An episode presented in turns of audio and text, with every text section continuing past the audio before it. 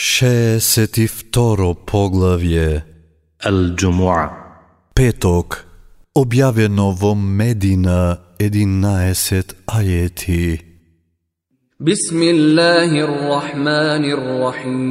Во името на Аллах, смилосниот, милостивиот. Тоа што е на небесата и тоа што е на земјата, го слави и го велича Аллах, владетелот, светиот, силниот, мудриот.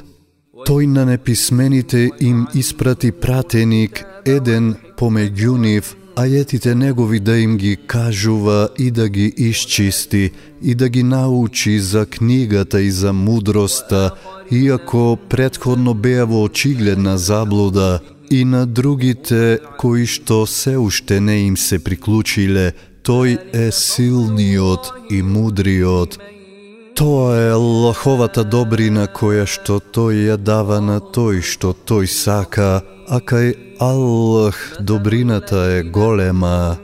Примерот на тие на кои што тевратот им беше задолжен, па потоа тие не се придржуваа за него, слични се на магаре што носи книги.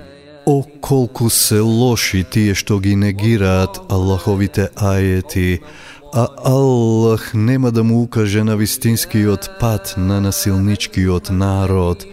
Кажи, о евреи, ако тврдите дека од сите луѓе само вие сте единствени Аллахови миленици, тогаш смртта посакајте ја, ако ја зборувате вистината. А поради тоа што го прават рацете нивни, никогаш нема да ја посакаат, а Аллах добро ги знае насилниците. Кажи, смртта од која што бегате на вистина ке ве стигне. Потоа, кај тој што ги познава невидливиот и видливиот свет, ке бидете вратени и тој ке ве извести за тоа што го правевте. О, верници, кога во петок на намаз ке се повика, побрзајте кон спомнувањето на Аллах и купопродажбата оставете ја, тоа ви е подобро да знаете. А кога намазот ке се изврши, тогаш по земјата раштаркајте се и Аллаховата благодат барајте ја и Аллах многу спомнувајте го, за да го постигнете тоа што го сакате. Но кога тие ќе здогледаат некаква трговска роба или забава, се залетуваат по неја и тебе те оставаат сам да стоиш.